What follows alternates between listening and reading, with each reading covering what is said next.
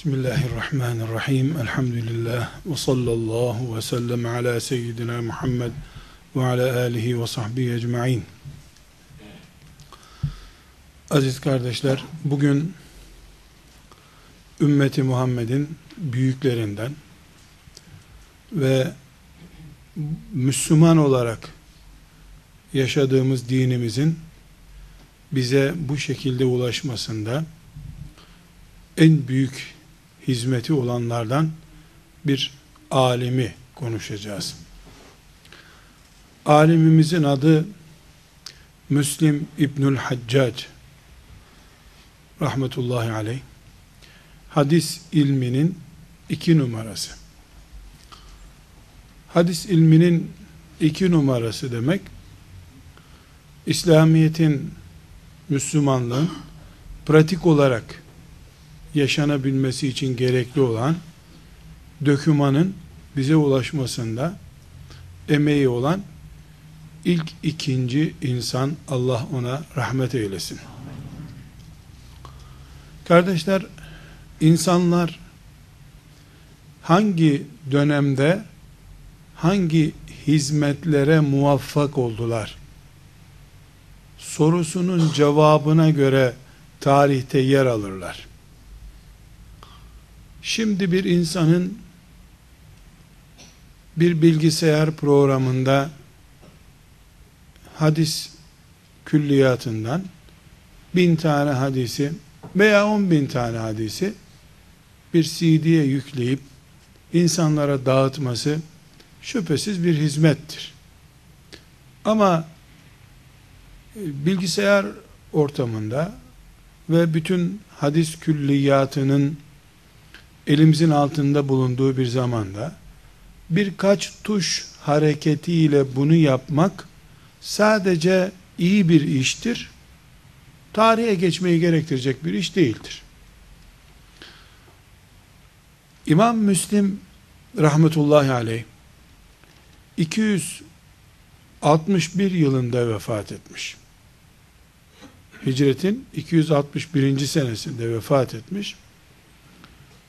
Bu demektir ki henüz Müslümanların kağıtla bile yeni tanıştıkları bir zamanda e, insanların kütüphane diye bir nesne bile bulamadıkları bir zamanda bir sayfa yazı için saatlerce yol gitmek gereken bir zamanda hadis ilmine, dinine hizmet etmiş bir insan kimsenin kitap diye bir şey bilmediği bir zamanda hala eskimeyen 1200 sene sonra bile eskimeyen bir kitabı yazmış olmak aynı kitaptan skanırla tarayıp CD'ye bir hadis kitabı yüklemekle aynı değil. Bugünkü ilmi faaliyetlerde göz nuru bile harcanmıyor.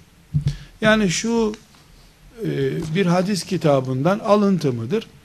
Bunu skanere koyuyorsun. iki saniye sonra okunacak şekilde ekranına taşıyor. Onun bir tuşuna basıyorsun, paragraflarını böl diyorsun. Öbür tuşuna bas diyorsun, büyüt küçült diyorsun. Göz nuru bile harcanmıyor. Hatta hatta insanoğlu hesap yapmayı bile unuttu makineler yüzünden. Eskiden büyük mağazalarda böyle kolla çevrilen şimdiki gençlerin bilmeyeceği facit makineler vardı. Böyle mesela 25 çarpı 12 için o kadar rakam basıyorlardı zaten de 25 çarpı 12 kaç yapar o hele böyle e, tekstil tezgahçıları kumaş satanların filan masasında böyle koca bir şimdi bilgisayarlar ondan küçük öyle bir alet vardı hesap yapılıyordu şimdi bilgisayar e, cep e, bilgisayarı oldu yetmedi kol bilgisayarı oldu kaşla gözle anlayan bilgisayar çıktı yani insanoğlu e, 3 kilo peynir 700 kuruştan kaç para yaparı bile cebinden bir alet çıkarıp hesaplayacak hale geldi. İlerledi mi geriledi mi ayrı bir konu tabi. Dolayısıyla o e, eski insanların köhne makinalarıyla yaptıkları daha zekaya yönelik, daha insan emekli, daha göz nuru gerektiren bir çalışmaydı.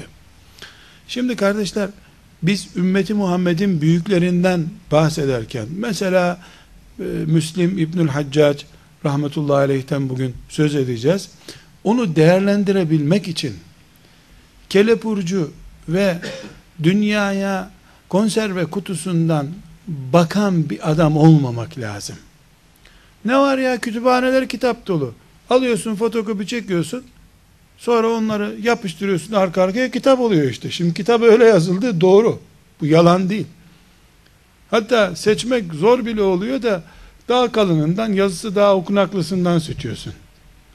Fakat bugün biz ümmeti Muhammed'in ikinci büyük hadis alemi, dini bize ulaştıran ikinci büyük insandan söz ederken arkadaşlar, bir hadisi şerif için Nisa buradan yani Hazar Denizi'nin kenarından şimdiki bildiğimiz İran'daki Hazar Denizi'nin kenarından Mısır'a üç defa gitmiş bir insan. Uçakla değil, trenle değil, gemiyle değil. Bir eşeği var. Eşeğine yüklüyor defterlerini. Gidiyor Mısır'da dinliyor, geliyor. Ee, gidiyor ondan sonra duyuyor ki filan konuda da bir hadis var. Onu da Mısır'daki birisi biliyormuş. Bir daha eşeğe biniyor, bir daha gidiyor. Ve sabah gidiyor, akşam dönüyor değil arkadaşlar. İki ay gidiyor, iki ay dönüyor bu. Ve bu insan şu fani alemde 55 sene yaşamış sadece. Talebeliğe 12 yaşında başlamış. 55 sene yaşamış. Şimdi bizim Sahih-i Müslim diye bildiğimiz muteber ümmeti Muhammed'in Kur'an'dan sonraki üçüncü kitap yani Kur'an'dan sonra ikinci kitap. Kur'an'la beraber sayacak olursak üçüncü kitabımız din olarak şeriat olarak bu kitaba 15 sene emek vermiş arkadaşlar. Bildiği 300 bin civarındaki hadisi şeriften 3033 e, tanesinin Resulullah sallallahu aleyhi ve selleme net bir şekilde ulaştığına inanmış, iman etmiş, tutmuş bunları kitap yazmış. Ve bu insan bu insan bursla okumamış arkadaşlar. Bursla okumamış. Babası kumaş tüccarıymış. O ticarete devam ederek yaşamış. Kimsenin bir kuruşunu da almamış hayatı boyunca. Kumaş dükkanının arka depo kısmını kütüphane yapmış kendini. Orada e, müşteri gelirse gidiyor 5 metre kumaş satıyor. Dönüyor sonra hadislerini çalışıyor. Tekrar geliyor. Bu şekilde yaşamış. Ümmetine hizmet etmiş. Bu hizmetten bugün biz biraz sonra bir örnek vereceğim. Yani onun e, bir satırlık, iki satırlık yazısından bugün evleniyoruz, boşanıyoruz, orucumuz oldu mu olmadı mı, dinimiz nasıl gidiyor, takva mıyız değil miyiz, cennete girip girmeyeceğimize dair bir sürü e, kanaatlerimizi, e, ilmimizi veya tahminlerimizi bu insanın çalışmalarından öğreniyoruz biz. Bir insanın tekrar aynı noktaya geliyorum. İşinin vaktinden çok olup olmadığı kalabalıktan anlaşılmıyor. O günkü propagandasından şöyle yaptım yetiştiremiyorum terimi silecek vaktim yok çocuklara uğrayamıyorum haftalardır eve gitmiyorum filan. Böyle bir propagandandan da belli. Üzerinden 10 tane 100 yıl geçtikten sonra senin ümmetin senden ne istifade ediyor? Büyüklük buradan. Sultan Fatih İstanbul'u fethetmekle bugün takdir edildiği kadar o gün takdir edilmemiştir. Bir padişah olarak beyaz atına bindi, denize sürdü atını gitti. O günkü manzarası oydu. Bugün İstanbul dünyanın e, en tabii başkenti olmaya layık bir şehir olduğunu bütün dünya uydudan, uzaydan bakınca anladı. Ondan sonra onu Türk milletine ve ümmeti Muhammed'e kazandıran insanın büyüklüğü ortaya çıktı. İstanbul değerlendikçe onu fethedip milletine bağışlayan bir insanın değeri artıyor. Yoksa birilerinin kendi propagandasını yapması çok tabiidir. Hatta hatta davulcu bile Başım patladı bugün ne kadar hizmet ettik insanoğluna filan diye de övünebilir yani. Çok davul çalmak da bir maharet olabilir. Ama senin çaldığın davuldan ne üredi? İnsanoğlu ne istifade etti? Dinin ne kazandı? Sorusunun cevabı çok önemli. Bir kadın yani çok çocuk doğurabilir. Bununla da övünebilir. Hangisi sen öldükten sonra senin çocuğunun kıldığı gece namazı, senin çocuğunun yaptığı infak, verdiği sadakalar sayesinde sen mezarında nur içinde yatıyorsun. Önemli olan odur. Yani çok doğurduğuna, çok yaşadığına, hatta ve hatta çok camiler yaptığına filan da bakma. Yani bir insan bakıyorsunuz, e, bir köyün kenarına, zamanında köy olan bir yere bir cami yaptırıyor. E, insanlar buradan gel, han gelir geçer zannediliyor, bir cami yaptırıyor. Şimdi gidiyorsun cami sabah namazında doluyor, akşam namazında doluyor, yatsı namazında doluyor. Aman ya Rabbim bu ne ihlasla temeli atılmış ki. Üstünden 500-600 sene geçmiş. E, harf devrimi geçmiş, sistemler değişmiş, yeni düzenler kurulmuş.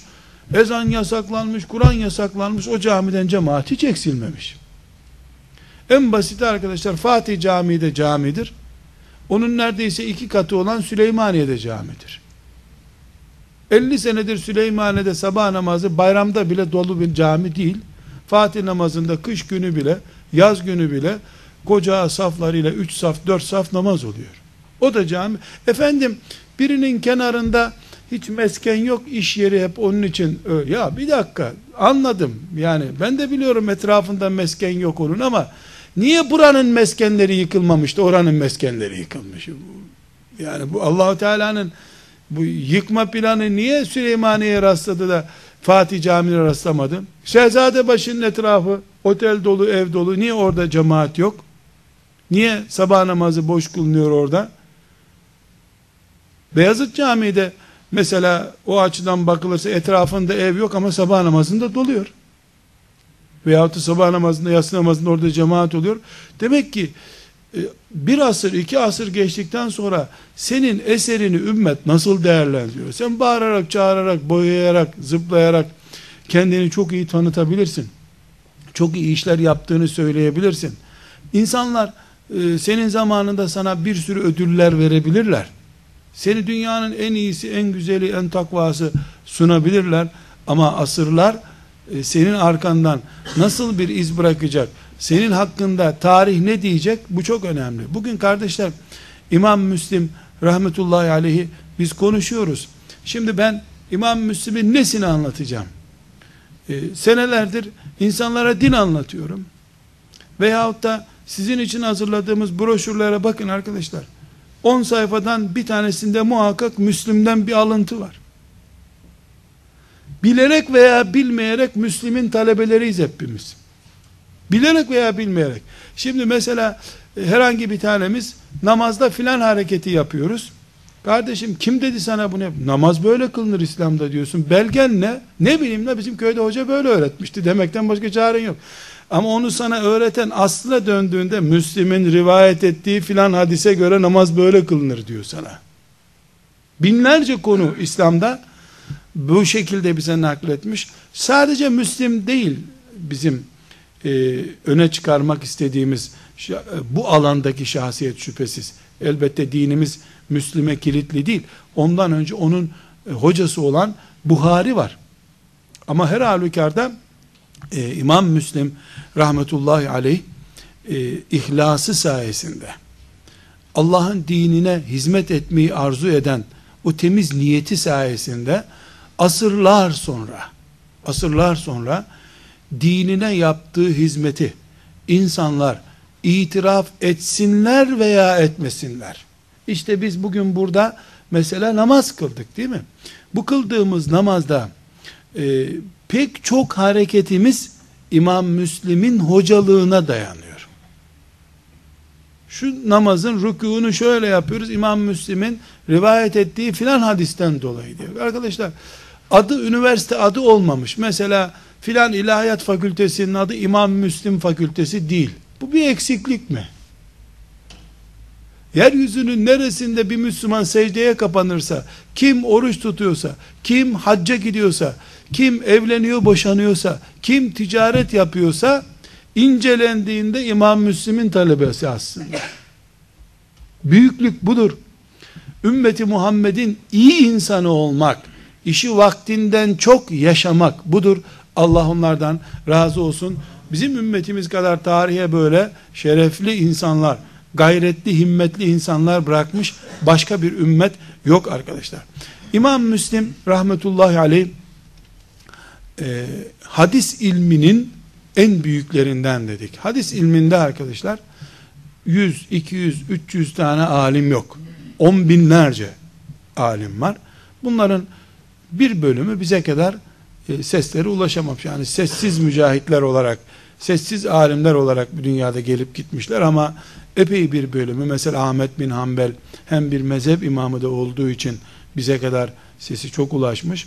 Ama e, ümmeti Muhammed'in söylediği her söz muhakkak doğrudur kardeşim tartışılmaz dediği iki kişi var. Biri İmam Bukhari'dir. Öbürü de onun talebesi olan İmam Müslim'dir. Müslim de Bukhari'nin talebesi aslında. Ee, bu hadis ilmindeki talebelik yalnız çocukluktan e, ölünceye kadar dizinin dibinde oturma anlamında değil. Onun farklı bildiği hadisleri gidip ondan öğrenmiş, o ondan icazet almış.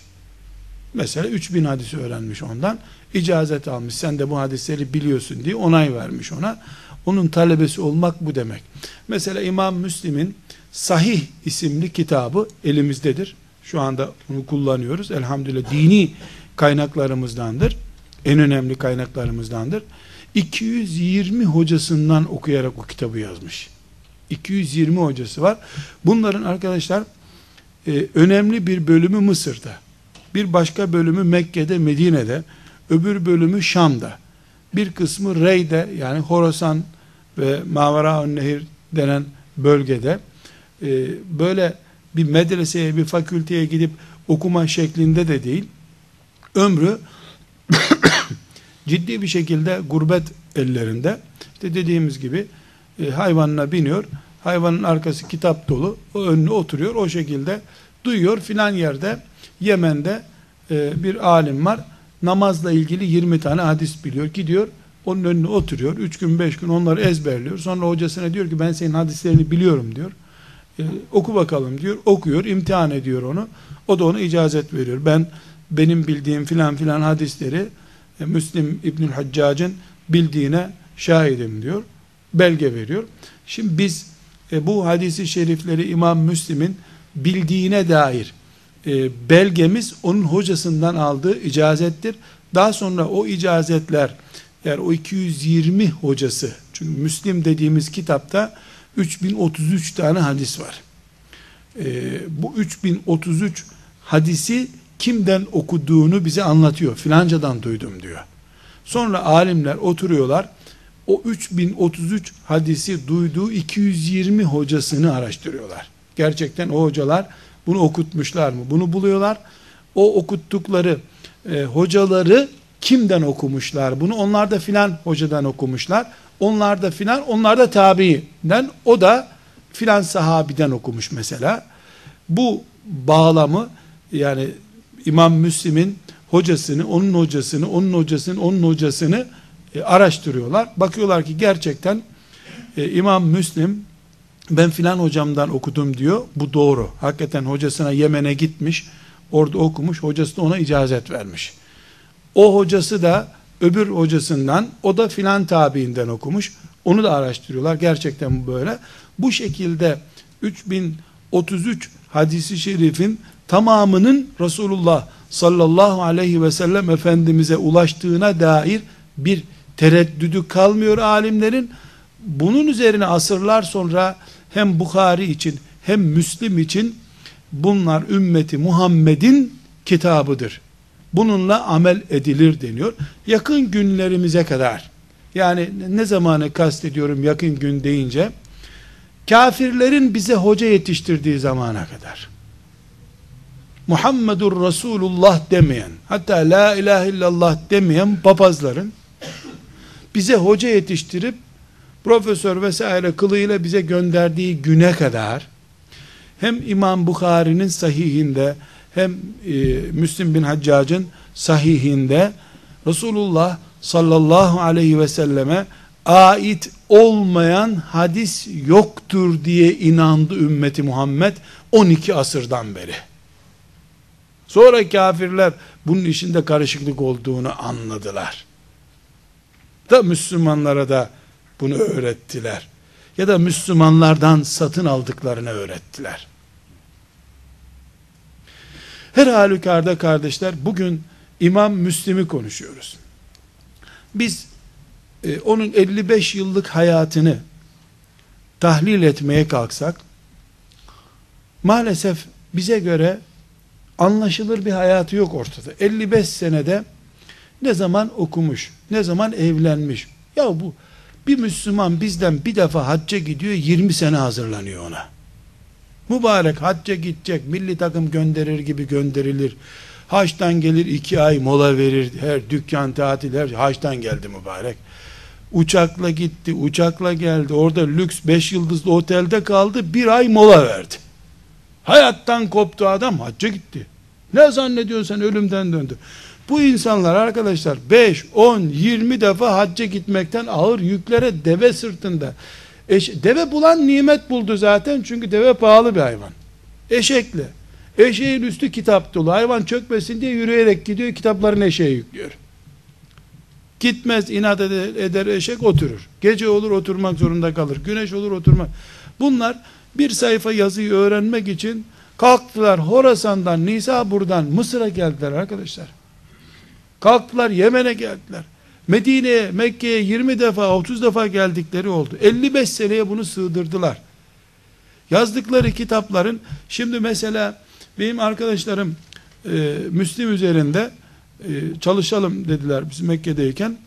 Bir 20 kişi toplandılar, redakte etmeye kalktılar Müslim'i. Yani bölüm bölüm Müslim üzerinde araştırma yaptılar. Onun e, 15 senede yazdığı kitap ben Mekke'ye gittiğimde onlar çalışıyorlardı. 20'ye bölmüşlerdi bunu. Ben 9 sene üzerine geldim hala devam ediyorlardı çalışmaya. Yani onun ekmek haline getirdiği şeyi lokma lokma yemek için onun ömründen fazla zaman harcadılar. Bitip bitmediğini de hala bilmiyorum. Piyasada yaptıkları şeyi görmedik. Üstelik de onlarınkine işte Müslim'in yazdığı kitabın 5-10 baskısı var, yazıları var. Böyle önüne koyuyorlar buradaki virgül burada, buradaki burada, buradaki yaptığı bu yani. Başka bir deve üstünde kilometrelerce yol gidip hadis öğrenmiyor bir yerde. Maalesef e, bu insanın 55 senelik hayatına bunu nasıl sığdırmış? Siyasi mücadelelere girmiş, ilmi tartışmalara girmiş, çoluk çocuğunu geçindirmiş. Ee, yani mesela erkek çocuğu olmamış, erkek çocuğu olmadığı için evinin deyim yerindeyse bakkal ihtiyacını da karşılamak zorunda kalmış. Bu insanın bakıyoruz ki himmeti, kafa yapısı, hayata bakışı, dinine, dinine hizmet etme anlayışı bizden 50 kişinin, 100 kişinin, belki de 1000 kişinin bir araya gelmesi halinde beceremeyeceği kadar çok büyük bir himmet. Bu himmeti de Allah bereketlendirmiş. Ee, ümmeti Muhammed'in hayır duasını alıyor. Ne kadardan beri? 1200 küsür seneden beri. Çok enteresan arkadaşlar. Ee, bir hadisi şerif merak ediyor. Evinde e, kitaplık gibi kullandığı bir bölüm var. O bölümde e, işte arıyor nereye yazdım bu hadis-i şerifi diye. Kafası hadis-i şerife takılıyor. Akşam kızlarına tembih ediyor ki e, kimse yanıma gelmesin diyor. Kandilimi de söndürmeyin. Sabaha kadar kitaplardan o hadisi araştıracak. Herhalde bilgisayar elektrik kesildiği için kullanamıyordur o gün. Yani işte bilgisayarında sıkıntı var demek. Ya da çökmüştür bilgisayarı. Virüs girmiştir bilgisayarına. Araştırıyor kitabından şimdi. O arada e, kızlarından biri geliyor. E, baba diyor sana taze hurma gönderdiler diyor. Getir onu da getir kızım diyor. Karnı aç kim bilir işte akşama kadar araştırıyor. O hadisi bulacak şimdi. Getir diyor. O da kızı da sepetle beraber getiriyor hurmayı. Yani bir sepet hurma getirmiş talebeleri buna. Ee, bu da o hurmayı yiyor. Şimdi hadisi hadise kafası takılmış. Onu kitaptan araştırıyor. Eli de hurmada kalmış. Hem yiyor hem araştırıyor. O sepeti bitirmiş öyle. Sabahleyin de ölmüş. Yani ömrü boyu karnı doyurana kadar yemek yememiş bir insan bu sünnet diye. Aç kalkmış sofradan. Ya elektronik hale gelmiş eli. Şimdi bu hadisi okuyor ya orada hiç elinin hurmaya gidip geldiğini anlamamış. Çekirdeklerini de çıkarmadı muhakkak. Öyle bir bilgi yok ama herhalde çekirdeğini çıkarıp şey yapsa bozulacak ahengi çünkü. Böyle almış yemiş almış yemiş sabahleyin de ölmüş. Şehit olmuş rahmetullahi aleyh. Yani ilim uğruna bir hadis uğruna beyin fonksiyonu bitmiş adamın yemek yediğini fark etmiyor. Allah'ın izniyle biz de hurmanın taze sepetini bulsak yaparız öyle. Hiç kimsenin tereddüdü olmasın. Bizde de fena düşkünlük yok hurmaya. Hurmaya. Yani bizim de hurmada aklımız kalır. Önümüzde kitaplar yansa anlamayız onu herhalde. Bir böyle benzerlik var ikimizin arasında. Rahmetullahi aleyh. Arkadaşlar bu insanlar işte bu gayretlerle o kıtlık, yokluk zamanlarında e, dinlerine hizmet ettiler. Bugün ister kabul edelim, ister etmeyelim, onların yazdığı kitaplarla din yaşıyoruz. Bu haramdır, bu günahtır, bu sevaptır. Onların yazdığı kitaplardan okuyoruz. Yani İmam Müslim rahmetullahi aleyh arkadaşlar sadece şu kadarıyla özetlemek istiyorum. Bir e, dini malumatın verildiği bir kitabın dibinde Sahih-i Müslim'de şu konuda yazılmış hadistir dendiğinde bu herhangi bir ansiklopedi bilgisi değil. Kur'an 1, Bukhari 2, Müslim 3. Ve bunun dördüncüsü yok. Bir daha öyle kitap yok. Evet, bizim mesela Ebu Davud'umuz da var. Mesela Tirmizimiz de var. Ama e, çok değerli kitap olduğuna kanaat etmiş ümmeti Muhammed. İnceleyelim içindekini demişler. Ama Müslim'i bir Allah kulu ben incelemeye cesaret ediyorum diyememiş. Senden önceki e, binlerce alim bunun üzerinde göz nuru dökmüş ve ümmet ittifak etmiş. Sen Hollanda'da din öğrenip, papazlardan din öğrenip gelip de Müslim'de şu eksiği buldum diyemezsin. Onu o papaz buldu senin kafana koydu deriz o zaman biz. Bugün özellikle e, İmam Müslim'in büyüklüğünü ortaya çıkarmak gibi bir maksadım yok arkadaşlar. Dinine hizmet etmekte Allah onu hangi noktalara getirmiş? Ne muhteşem bir hizmet yapmış. Onu özellikle vurgulamak istiyorum. Bu anlayışımıza yardımcı olması bakımından bugün enteresan bir örnek üzerinde duracağız arkadaşlar. Müslim'den bir hadisi şerif 3033 hadis var dedik ya tekrarlarıyla beraber yani bazı hadisler mesela namazı anlatan hadis-i şerifler namazda geçiyor. Aynı hadiste abdest de varsa abdestte de buluyorsun onu. Dolayısıyla tekrar olan bu anlamda tekrar olan hadisler var.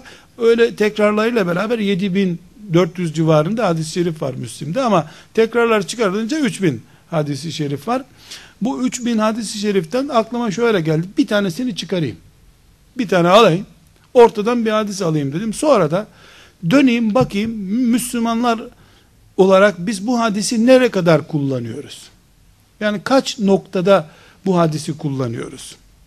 Tuttum oruç konusunu anlatan bölümden bir hadis çıkardım. Sonra fıkıh kitaplarına döndüm. Fıkıh kitaplarında e, ümmeti Muhammed'in e, alimleri bu hadisten kaç noktada istifade etmişler? Bunu tespit ettim. Şimdi size hadisi okuyacağım arkadaşlar. E, tam 79 konuda kullanılmış o hadis-i şerif. 79 konuda alimler o hadisi kaynak olarak kullanmışlar. Yani Müslim'den bir cümle alıyorsun. Biraz sonra göreceğiz. Bir hikaye gibi bir şey. Ebu Hureyre diyor ki bir gün oturuyorduk Resulullah sallallahu aleyhi ve sellem yanında birisi geldi. Böyle bir cümle. Bunu Müslim kitabına koyuyor. Ondan sonra 10, 20, 30, 40, 50, 60, 70, 80 konuda ümmeti Muhammed kendisine kaynak ediniyor ondan. Müslim bu hadisi şerifi kitabına koymasaydı ne servet kaybetmiş olacakmışız demek ki. Dolayısıyla İmam Müslim'i biz caminin imamı filan zannettik mi büyük bir hakaret etmiş oluyoruz. Cami imamı, köy imamı filan değil bu bahsettiğimiz İmam Müslim.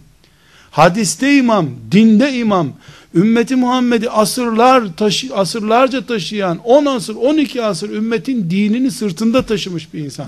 Allah ondan razı olsun. Yani meselenin çok ciddi anlaşılması bakımından bunu özellikle vurguluyorum. Belki her hadis 80 yerde kullanılmıyordur. Ama 10 yerde 20 yerde kullanılmayan hadis yok. Şimdi ne kadar çapraz ilişkilerde kullanıldığını göreceğiz. Ee, hem meclisimizin bereketlenmesi bakımından hem de kimi övüyoruz, niye övüyoruz arkadaşlar? Durup dururken mi gönüllerde bu kadar sevgisi var? Bunu bir anlayalım. Bir de bu gavurlar niye durup dururken bunlara sevgimizi azaltmak, itimadımızı azaltmak istiyorlar? Bunu da anlıyor olmamız için önemli bir ipucu. Önce hadisi şerifi okuyayım. İmam Müslim'in e, Ramazan-ı Şerif orucunu anlattığı hadislerden bir tanesi e, 1111. hadisi şerif belli bir tertipte özellikle söylüyorum. E, oruç konusunun da 14. hadisi oluyor. Şimdi hem de bir hadis öğrenmiş olalım.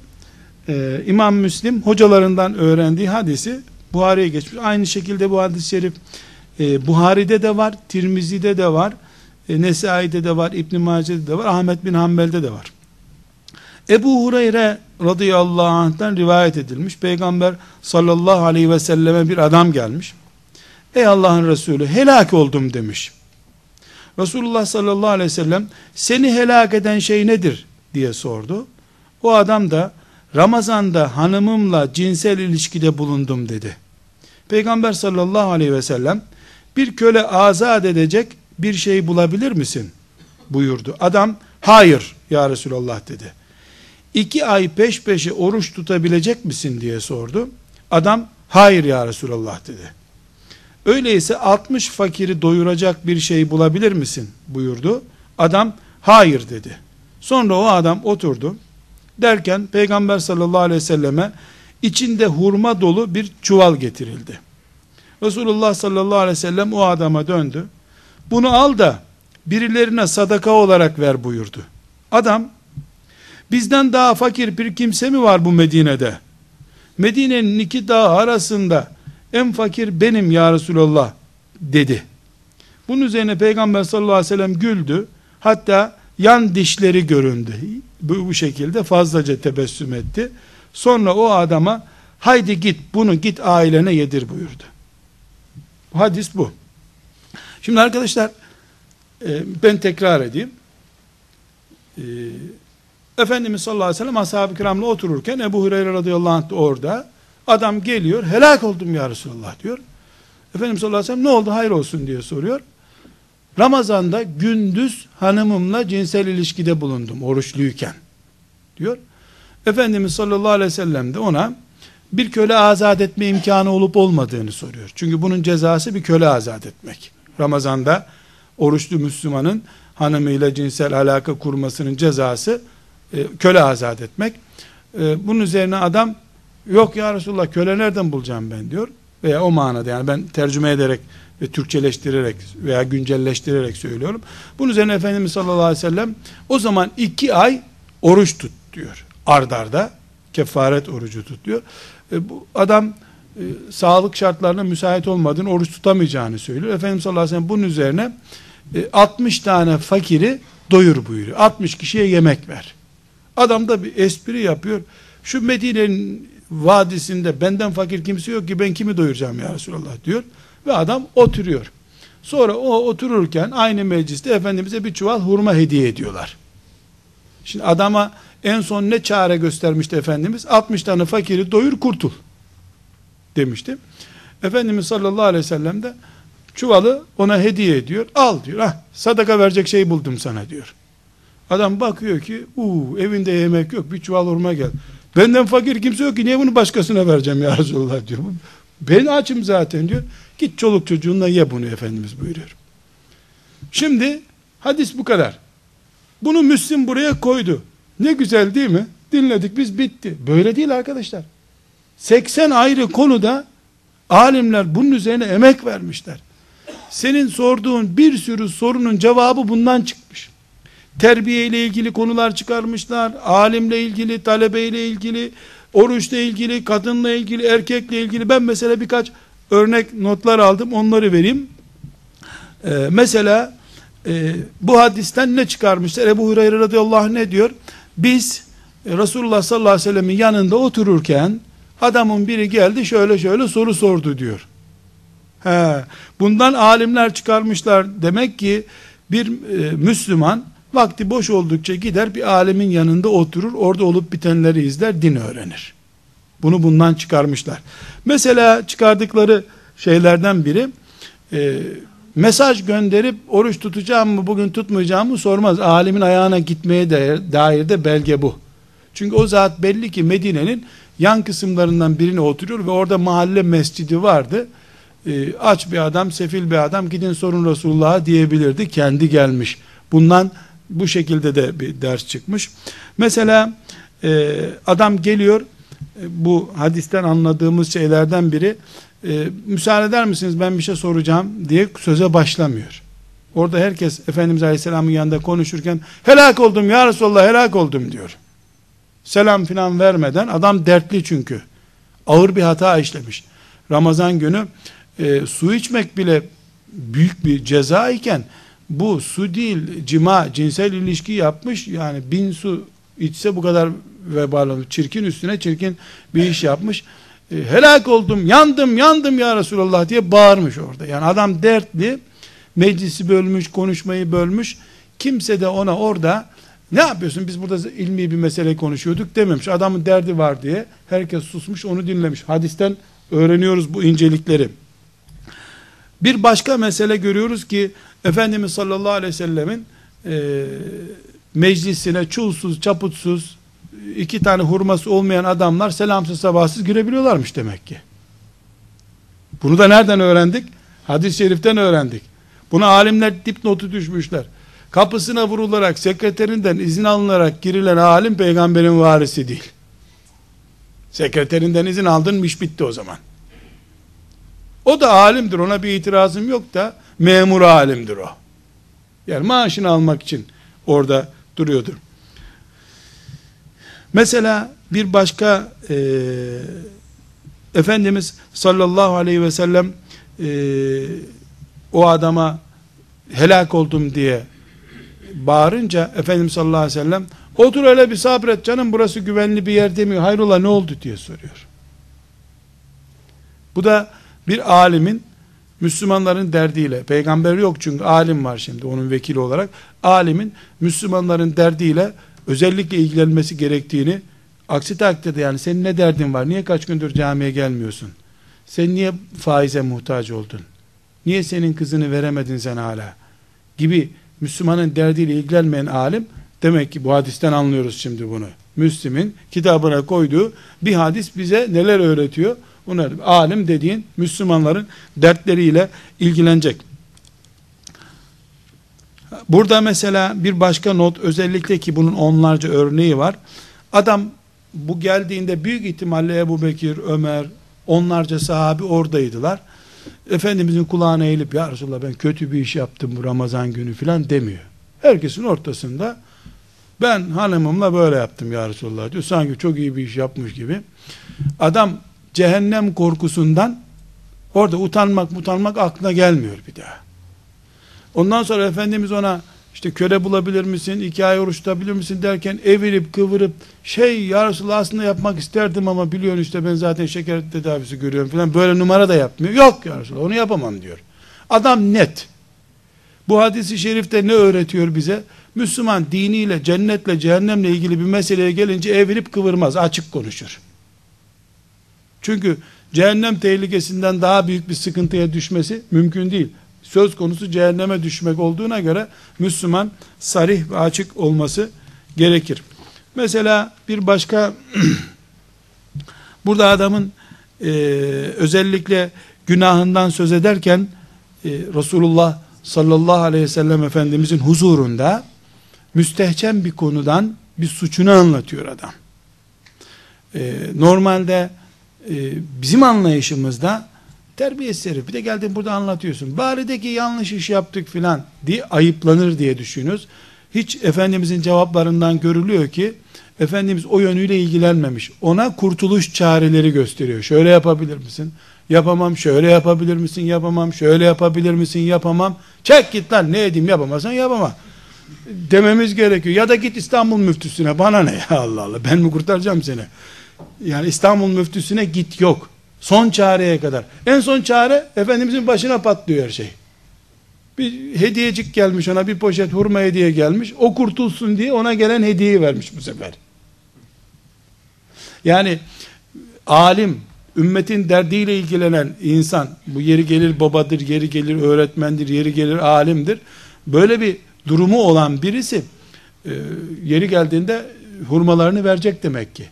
Ve onu ayıplamaktan, onun çirkin konuştuğuna bakmaktan çok onu nasıl kurtaracağına bakacak. Zira Efendimiz sallallahu aleyhi ve sellem e, kızacak olsaydı e, yani deseydi ki mesela e, ulan sen bir de oruç da tutamıyorsun madem oruç tutamıyorsun ne lan giriştin bu işlere filan diyecek olsaydı e, adam üçüncü cevabı vermeyecek peki deyip gidip oruçları tutmayacaktı. Onu zora münafıklığa teşvik, teşvik etmiş olacaktı. Halbuki din münafıklıkla yapılabilir bir ibadet yüklememiş. Yani sarahat açıklık istiyor. Burada arkadaşlar tabi e, çok mesele var hepsini zikretmeyeceğim. Ama çok önemli bir nokta. Şimdi Medine'nin en fakirini konuşuyoruz. Adamın yiyecek bir tane hurması yok. Yani fakirlikte sersepil aşağılara düşmüş adam. Hiç çaresi yok. Medine'nin en fakiri. Ayakta duramayacak kadar da yani oruç tutamayacak kadar da güçsüz, kuvvetsiz, hasta, yaşlı. Buna rağmen cinsel hayatı, aile hayatında aksama yok gördüğünüz gibi. Buna da dikkat etmek lazım. Çünkü sahabenin gözünde cinsel hayatla sabah namazı arasında çok fark yok. Zira sabah namazı kılmasa da e, şeytanın tuzağına düşmüş olacak. Cinsel hayatında gerileme olsa, zayıflama olsa, hanımına küsse, hanımı ona küsse, kadın erkek iki taraf için de geçerli bu. Yine şeytanın tuzağına düşecek. Onun için oruç tutamayacak kadar yani kefaret 60 gün oruç tutamayacak kadar bedensel zafiyeti var. İki kişinin karnını doyuramayacak kadar zafiyeti var, fakirliği var, aile hayatı güçlü ama. O o anlayış sayesinde de ayakta duruyor zaten. Çünkü bu fakirlik bunu çökertmemiş. Hastalığı, yaşlılığı çökertmemiş. Niye? Aile ilişkisi çok güçlü. Yani akşam eve geldiğinde bütün fakirliğini unutturacak, sinirlerini teskin edecek bir ailesi var evinde. Bu nokta çok önemli. Bunu da bu hadis-i şeriften öğreniyoruz tabi. Böyle ince bir tiple baktığımızda. Mesela tuttuğum notlardan özellikle bir daha dikkat ediyorum. Ee, burada çok önemli bir nokta daha var. Efendimiz sallallahu aleyhi ve sellem en kritik sahnelerden birini mesela belki de sahabenin bu zatın ki Ebu Hureyre tarihe mal olup mahcup olmasın diye adını da zikretmiyor bu adamın. Filancaydı da demiyor sülalesine leke kalmasın diye. Adamın biri geldi diyor. Herkes tanıyor onu orada aslında. Medine'nin bir milyon nüfusu yok. Herkes birbirini tanıyor. Ee, bu zat mesela geliyor. Efendimiz sallallahu aleyhi ve selleme durumunu anlatıyor. Ee, bir miktar kabalık var ortada. Bir de Resulullah sallallahu aleyhi ve sellemin çarelerine karşı keşke yapabilseydim ya Resulallah gibi böyle çok muzdaribim falan böyle de demiyor. Yok yok oğluyla tartışır gibi tartışıyor. Normalde bir adab-ı muaşeret açısından da kabalık var ortada. Ama buna rağmen ashab-ı kiram bir miktar gerginleşiyorlar. Adam poşeti kapıp oh be poşeti bulduk deyince Efendimiz sallallahu aleyhi ve sellem o gerginliği gidermek için tebessüm ediyor. Lan utanmadan bir de poşeti götürüyorsun. Senin maksadın poşeti kaçırmaktı. E, filan. E, de, şimdi geliyorlar ya kapıyı çalıyorlar. Abi Konya'ya gideceğim. Bir bilet parasına ihtiyacım var yani. Bir Konya'ya gideceğim. Tamam seni otogara götür, götüreyim diyorsun. Kaçıyor otogardan. şimdi bizim başımıza böyle bir şey gelse tebessüm ederek e, sahneyi gevşetmeyi beceremiyoruz. Ama hadis-i şeriften öğreniyoruz ki e, aslında Efendimiz sallallahu aleyhi ve sellem müthiş bir psikolojik hareketle tebessüm ederek bu manzarayı bir tür tiyatroya çevirmiş Efendimiz sallallahu aleyhi ve sellem. Çünkü Efendimizin böyle çok tebessüm ettiği, neşelendiği fazla görünmüyor. Neşeleneceği şey mesela torunlarıyla oynarken olması lazım. Bu sahne üzerine neşeleniyor. Bir önemli mesele daha arkadaşlar. Resulullah sallallahu aleyhi ve sellem Efendimizin vazifesine Allah'ın şeriatını tatbik etmek. Ee, orada e, köle azat edeceksin diyor. İki ay oruç tutacaksın diyor. Sadaka vereceksin diyor. Bunlar Allah'ın Ramazan-ı Şerif'in gündüzünde hanımıyla cima etme cüreti gösteren Müslümana Allah'ın cezaları. Hak bir tek hak vermiş bunu Allah Teala sıralamaya tabi tutmuş. Ee, köle bulamıyorsan sen köle pahalı çünkü. Köle bulamıyorsan iki ay oruç tut. İki ay oruç tutmak da sağlığına uygun değilse 60 e, tane fakiri birer gün doyur. Doyur de demek birer tas çorba demek. Yani doyur demek götür köfteciye e, bir aylık maaşını bir yemekte ver demek değil. O, o doyurmak değil ki o patlamak. Öyle bir doyum yok. Yani doyur dediğim evde sen ne yiyorsan mesela Ramazan'da fitrenin ölçüsü de fidye verirken de ölçü budur. Sen ne yiyorsan sahurda ne yediysen bir benzerini bir fakire vermek. Bu kadar basit. Bu nedir? Üç zeytinle yarım e, dilim peynir, yarım ekmek. Bu kadar. Mesela neyse bunu veremeyecek durumda. Fakat dikkat edin. Adam benden fakiri yok. Benden fakiri yok. Şu Medine'nin iki kayalığının arasında en fakir benim ya Resulullah deyince e, Allah'ın şeriatını çiğneyemem ya senin için demiyor. Ne yapıyor ya? Al götür çoluk çocuğunda ya bu poşeti diyor. Burada sosyal konumu gözetmenin sosyal konumu gözetmenin de Allah'ın şeriatından bir parça olduğunu şu Müslim'in hadisi bize öğretiyor arkadaşlar. Öyle köyde sen dedeni görmüştün, sahurda illa kesme makarna yiyecek. E şimdi bu, bugün hiç kesme makarna yapamadı bizim hanım hasta, oruç tutmayalım bari. Kilitlenmiş üç tane kalıp cümleye, dedesinden görmüş, dedesi de amcasının dedesinden görmüş. Din bu değil arkadaşlar. Önemli olan Allah'ın şeriatının Müslüman üzerinde ayakta kalmasıdır. Bu adamı Efendimiz sallallahu aleyhi ve sellem git sülalem borç toplasın versin ne yapayım diyebilirdi. Ama Müslümanların başına, ailesinin, sülalesinin başına belli bir bela olacaktı bu. Efendimiz sallallahu aleyhi ve sellem köle azat edip bir Müslümanı kurtaracaktı. 60 fakir doyuracaktı. 60 kişinin başını derde girmekten kurtardı bu adamı o poşeti vererek. Yani Müslüman hareketli olmalı. Alim dediğin Müslümanı hem vebalden kurtarmalı hem de çare üretmeli. Yani banka bırak bankayı B harfini sil alfabeden Müslüman olduğunu anlaşılsın demek çare değil ki bu adam bu evi nasıl alacak? Buna da bir çare üretmen lazım. E ben onun günahını mı taşıyacağım? Elbette günahını taşımayacaksın. Ama çaresiz de bırakmayacaksın. Adam ansiklopediden bakıp onun haram olduğunu öğrenebilirdi. Alime niye geliyor? Canlı canlı bir pratik yani e, eczaneden ilaç alıp e, sağlığına kavuşmayı deneyebilirdi adam. Doktora derdini anlatıyor. Doktor o değilse bu olsun diyecek. O yan tesiri varsa bunu kullan diyecek. Yani doktorluk bu zaten, hocalık bu zaten. Efendimiz sallallahu aleyhi ve sellem'deki bu pratikliği görüyoruz arkadaşlar. Hüküm bu. Beğenmedin beğenmedin mantığı yok. Gözüme görünme. Senden zaten şüphe ediyordum yok. Son noktaya önemli olan çünkü Müslümanı da kurtarmak, toplumu da kurtarmak. Başka bir hadis-i şerifte benzer bir adama Efendimiz ne buyuruyor? Ben onu sadaka veremem, yapamam, yapamam. Kimseye zarar verme, sana sadaka bu diyor.